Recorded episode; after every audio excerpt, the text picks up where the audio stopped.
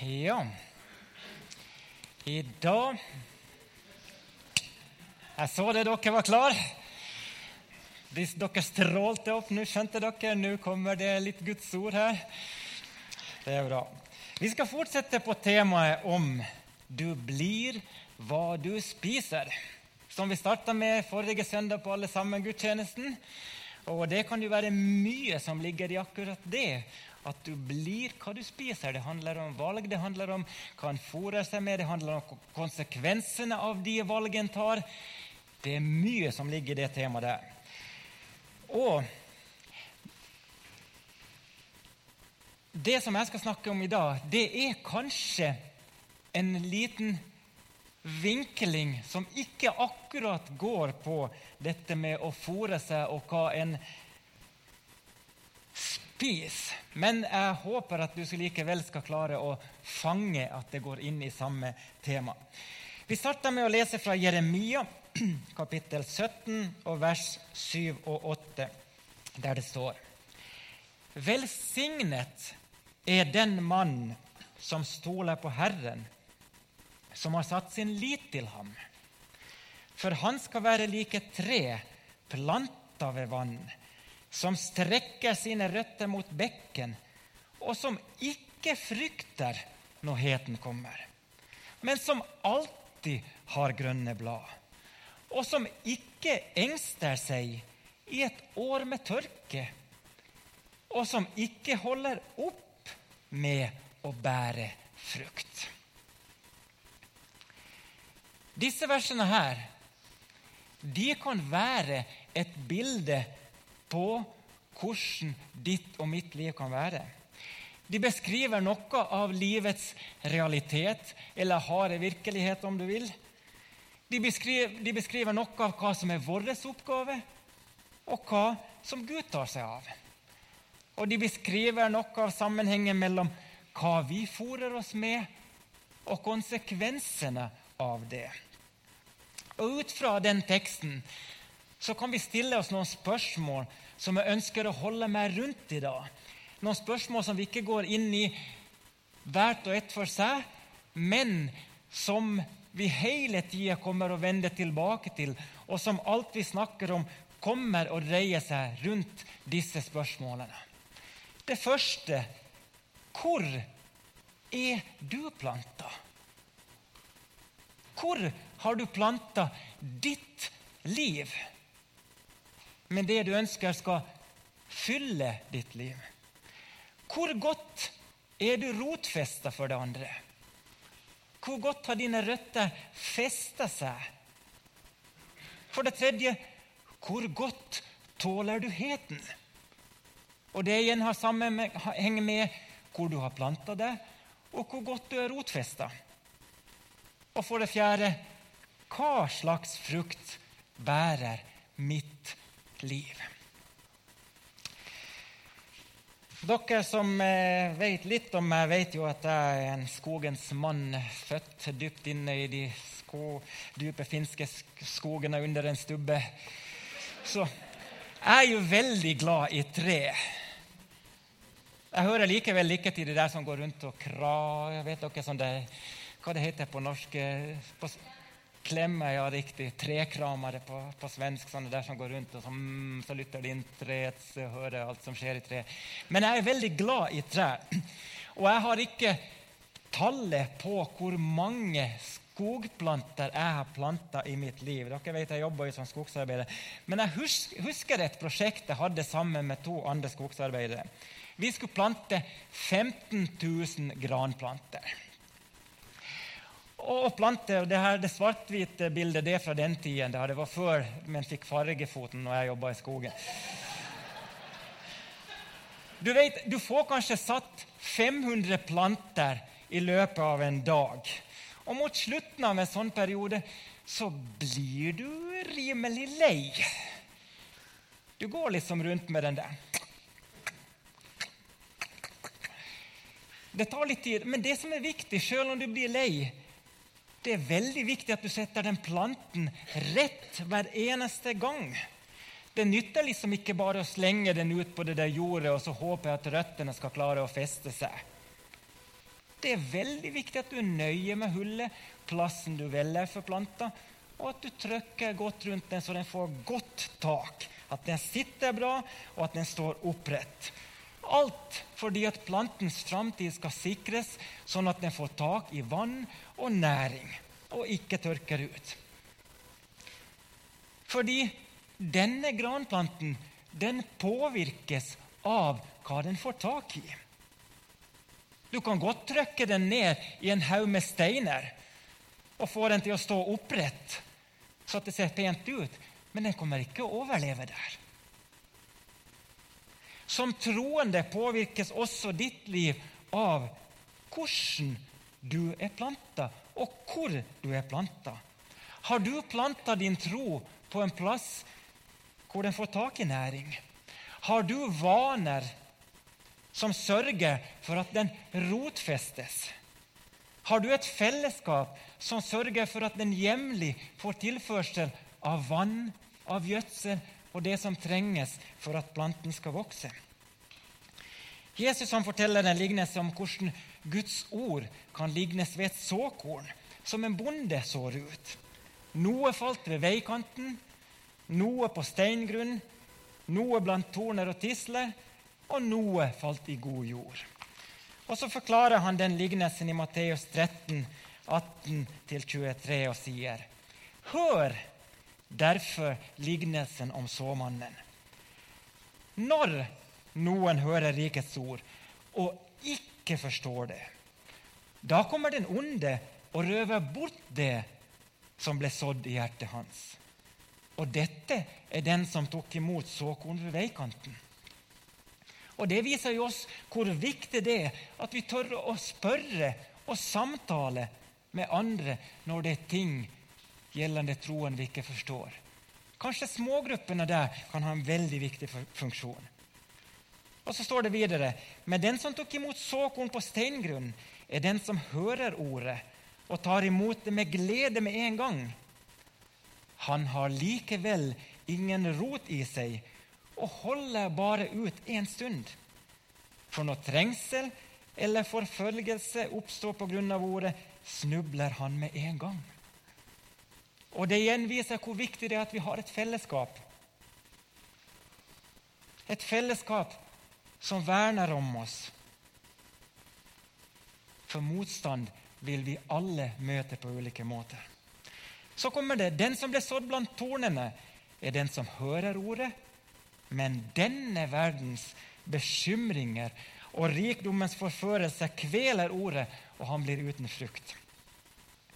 Og kanskje dette er den største faren i vår del av verden, der vi lever i dag. Men så står det om den som tok imot såkorn i god jord. Den som hører ordet og forstår det, og han bærer frukt og gir avkastning. 100 fold, 160, 130. Jeg har spilt en del innebandy i mitt liv. Og når jeg flytta til Nord-Norge og, og, begynte på et innebandylag her i nord, så var jeg i begynnelsen veldig bevisst på at jeg skulle være med og spille innebandy. Ja, fordi at det her liker jeg, det syns jeg er kjempeartig. Og fordi at jeg ønsker å være Guds utstrakte hånd i det idrettsmiljøet som var en del av mitt liv. Det tankevekkende der var at så lenge jeg hadde fokus på og var planta i det som var mitt ønske, å være Guds utrakte hånd til miljøet der, så gikk det spillemessig også bra. Men når det da gikk bra, så skjedde det ubemerka en fokusendring inne i meg. Plutselig så var jeg ikke der bare for at det var artig, og for at jeg skulle gi Jesus til dem. Nei, plutselig ble det veldig viktig for meg å lykkes enda bedre. Å få det til enda bedre. Og hva skrev avisen etter helgens kamp denne gangen? Hvordan kunne jeg bli enda bedre, gjøre det enda bedre? Og uten at jeg hadde merka det, så var jeg ikke lenger planta på rett plass i mitt liv. Mitt ego hadde fått førsteplassen i stedet for å være kobla til Jesus og planta der som jeg skulle være. Og det leda til at både prestasjonene mine ble dårligere, og pga. mitt feile fokus så sank også humøret og selvbildet mitt. Jeg var ikke lenger rotfesta i Jesus. Jeg hadde blitt opptatt av meg sjøl og egen fremgang. Den heten som Jeremia snakka om, den trenger ikke alltid å være forfølgelse. Det kan være til og med positive, gode ting som er med og frister oss og drar oss bort og drar, vårt, drar vårt fokus bort fra Gud. Flere eiendeler. Mer, mer. Mer berømmelse. Tjene mer penger. Få mer opplevelse. Jakten på noe nytt, noe spennende. Eller skremmende nyheter. Og La meg bruke ett minutt. Jeg satt på fredag kveld. Jeg hadde lest nyhetene på nett, og så hadde jeg lyst å lage en preken i dag som skulle hete 'Er du og korona'. Og Det var henspilling på noen film da, som jeg hadde sett da jeg var yngre. For, La meg bare si ett ord om det. Jeg skal ikke ta den preika i dag. Da. Men det som skjer i dag med koronaviruset, og alle tanker rundt det, alt som blir presentert. Hvordan skal vi troende forholde oss til det? Jeg leste at på noen plasser, en TV-kanal som ikke skal være nevnt, der de tilbød at hvis en betaler inn penger til det, så skal en bli beskytta fra koronaviruset. La meg bare si med en gang at for 500 år siden så var det en kar som kjempa imot at en skulle få tak i noe av Guds velsignelse gjennom å betale for seg. Vi finner ingenting i Bibelen som tilsier at gjennom å betale så kan du få verken frelse, helbredelse eller beskyttelse. Det er vranglære. Det finnes ingenting som støtter det. Så la det være klart. Spar dine penger. Bruk de på noe bedre enn det i den sammenhengen. Samtidig skal vi som troende selvfølgelig bruke sunn fornuft. Ja, vi skal vaske hendene og alt det her og hoste på rett plass og det der.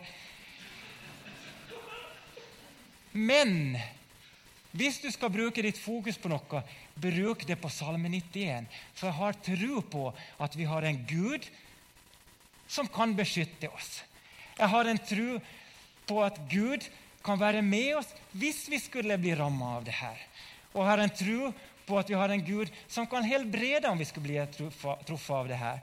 Og jeg har tro på at en Gud, om, ikke, om jeg både skulle bli rammet og truffet av det og ikke bli helbredet, og det ene og det andre, så har jeg tro på at det venter en bedre framtid for meg hjemme i himmelen. Så la oss ha rett fokus i alt det her som skjer rundt omkring oss. Jeremia han snakker om at det tre som er godt planta ved vann, det vil tåle perioder av hete. Det vil ha grønne blader og bære frukt. Og på samme måte er det med oss mennesker, med noen ulikheter. Vi mennesker vi er iblant fryktelig gode til å pusse på fasaden. Nei, det var ingen som har gjort det. Nei, men jeg har gjort det ganske mange ganger. En prøver å se bedre ut og se sterkere ut enn en er. Det kan ikke en plante som holder på å tørke ut. Den har ingen muligheter til å liksom prøve og Nå har jeg hatt noen potteplanter hjemme som holder på å dø ut og skrumple sammen. Den klarer ikke å, å pusse på det. Og Derfor kan det for omverdenen iblant se ut som om vi både er i god form, vi har det godt innvendig, og vi er fulle av tro fordi vi har lært oss hvordan vi skal sminke til livet og oppføre oss. Hvis jeg tar på meg en pen skidress fra Swix eller fra Bjørn Dæhlie jeg, får ingenting for den reklamen, bare så det er klart. Men hvis jeg tar nye skisko og et par fine ski, så kunne jeg kanskje ha innbilt de som ikke kjenner meg og vet hvor dårlig stilt det er, at jeg har trent for Vasaloppet som går i dag. Jeg har trent hele vinteren, men siden jeg er på jobb her, så kunne jeg ikke delta. Ellers hadde jeg vært med der. Kunne jeg vært en god konkurrent til å vinne hele den ni mil lange løpet. Men hva hadde skjedd om jeg hadde vært der på startstreken i dag? Det hadde blitt avslørt at det der var bare fasade. Matteus 7, 15-20 sier på fruktene deres skal dere kjenne dem. Kan vel noen sanke druer fra tornebusker eller fiken fra tisler? Slik, slik bærer hvert godt tre god frukt, men det dårlige tre bærer dårlig frukt. Et godt tre kan ikke bære dårlig frukt, og et dårlig tre kan heller ikke bære god frukt. Hvert tre som ikke bærer god frukt, blir hogd ned og kastet på ilden. Derfor skal dere kjenne dem på frukten. Min Vasaloppsfasade den hadde blitt grundig avslørt etter noen mil når de hadde vært nødt til å komme med snøscooter og Røde Kors og førstehjelpmannskap. Dette dårlige treet kommer ikke gjennom noe Vasalopp, enn hvor mye jeg hadde pyntet på det. Heten i våre liv når vi havner i heten eller tørken, den kan avsløre områder for oss enn hvor mye vi ønsker å se annerledes ut. Heten kan avsløre sannheten i vårt liv. Hvor vi er planta, hvor godt vi er rotfesta, om det blir produsert noe frukt. Og Jesus han sier noen både tydelige og befriende ord i Johannes 15, 1-5. Han sier 'Jeg er det sanne vintreet, og min far er vingårdsmannen'. Hver gren på meg som ikke bærer frukt, tar han bort. Eller løfter han opp. Og vi kommer tilbake til det. Og hver gren som bærer frukt, beskjærer han, så den kan bære mer frukt. Dere er alt rene på grunn av det ord jeg har talt til dere. Bli i meg, så blir jeg i dere. Slik som grenen ikke kan bære frukt av seg selv uten at den blir i vintreet, slik kan heller ikke dere bære frukt uten at dere blir i meg. Jeg er vintreet, dere er grenene. Den som blir i meg, og jeg i ham, bærer mye frukt. For uten meg kan dere slett ikke gjøre noe. Jesus er veldig tydelig på at han er vintreet, og vi er greinene. Og Hvis vi tenker kanskje da i andre baner et epletre Om ikke grenen på epletreet er kobla til treet, så kan den ikke produsere noen epler. Den vil tørke ut og dø enn hvor fast bestemt den er på 'jeg skal klare meg sjøl der jeg hopper rundt omkring'. Og sjøl om grenen er kobla til tre, så kan ikke grenen i seg sjøl presse ut et eple. Eplet kommer som et resultat av at grenen er festa til den livgivende stammen som er godt planta og rotfesta. Altså har ikke grenen gjort noen imponerende gjerning fordi at det plopp kom et eple. Nei, den var bare kobla til treet. Og så skjedde det automatisk som et resultat av det. Og slik fungerer også Guds rike. Fordi at ikke noen skal rose seg, så er alt et Guds verk når det kommer fram et eple eller en god frukt. Så leste vi her at Jesus sa at hver gren som ikke bærer frukt, tar han bort. Og jeg skal innrømme, når jeg var yngre, da på den svart-hvite tida der. Så da var jeg veldig redd og slet med dette bibelverset. Av noen grunn så var jeg redd for at Jesus skulle kutte meg bort om jeg ikke bar frukt. Og så I voksen alder da, så oppdaga jeg at ifølge King James-oversettelsen så kunne dette uttrykket 'ta bort' også oversettes med 'løftes opp'. Og For meg så var det der en ganske sånn stor forskjell og liksom vanskelig å kombinere. Hvordan i alle dager kan det her henge sammen? Ta bort, løftes opp. Og Så sjekker jeg studiebibelen, og ifølge grunnteksten står det at han tar den grenen som ikke bærer frukt. Så tilfeldigvis, eller gudfeldigvis, som vi av og til liker å si, så får jeg se et matprogram fra en vingård i Portugal. Og Der skjedde det at de nederste grenene av og til på de her eh, vintrærne eller de der plantene som, er, som står oppradet der, de nederste grenene ble av og til dekka av støv, av gjørme, og iblant ble de til og med tyngt ned så at de lå nede på bakken. Og da produserte de ikke noe frukt.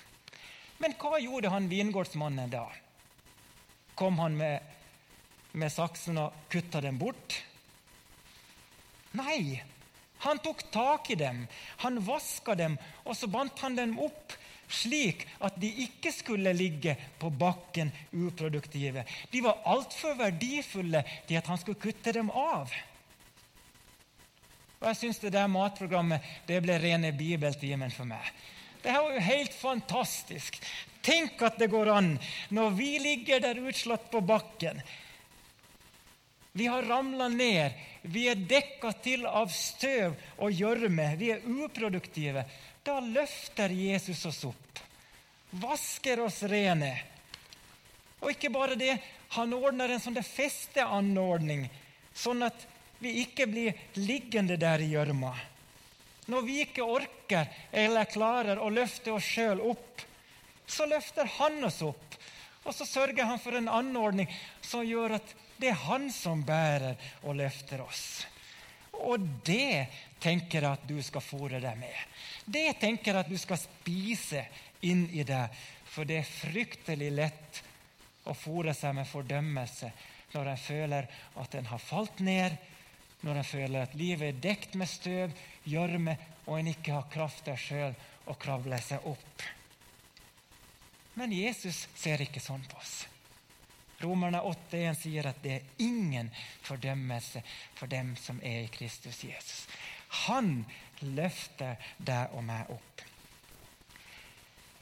Der var det fine bildet som skulle vært der, ja. Der ser dere de anordningene som de har for å feste opp greinene når de har falt ned og ikke klarer å holde seg oppe sjøl. Andre ganger så beskjærer han oss, leste vi.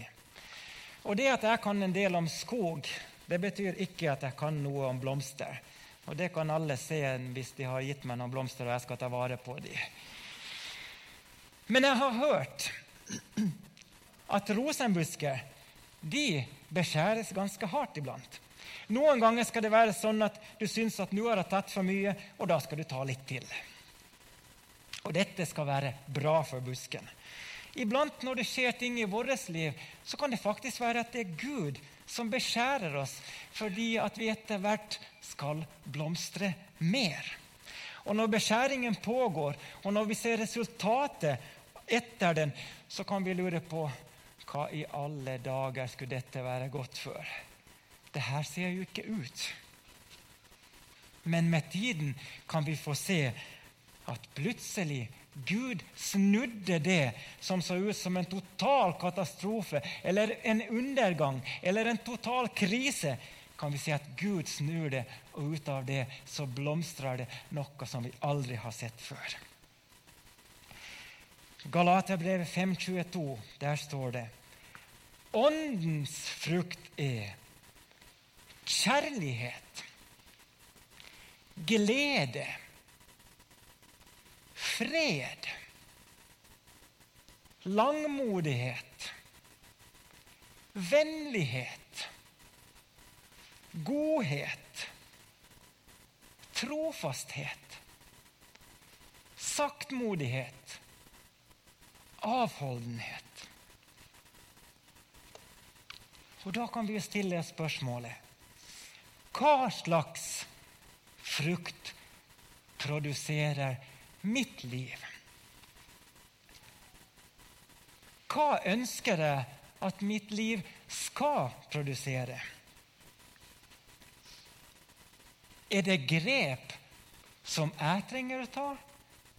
Eller er det grep som jeg trenger å be Gud om å gjøre i mitt liv? plante om, beskjære, vanne, gjødsle, løfte opp, avhengig av hvor vi er i livet. Og så er det uhyre viktig å huske på når vi begynner å stille sånne her spørsmål. Det vi nevnte fra Romerne 8, det er ingen fordømmelse for den som er i Kristus Jesus. Den gren som ikke bærer frukt, den løfter han opp og fester for at den skal bære frukt. Amen. Takk, Gud, for at du har gode tanker for vårt liv. Uansett hvor vi er, i hvilken livssituasjon, hvordan vi har det med oss sjøl, hvordan vi har det inne i oss, hvordan vi har pynta på fasaden, så ser du bak alt dette her. Og takk for at du elsker oss. Du elsker det du ser bak fasaden vi holder oppe. Men du ønsker å vaske oss, du ønsker å løfte oss, du ønsker å beskjære oss slik at vårt liv kan bære frukt. Nå ber jeg for hver enkelt her i dag om at du må komme med din Helligånds legende nærvær.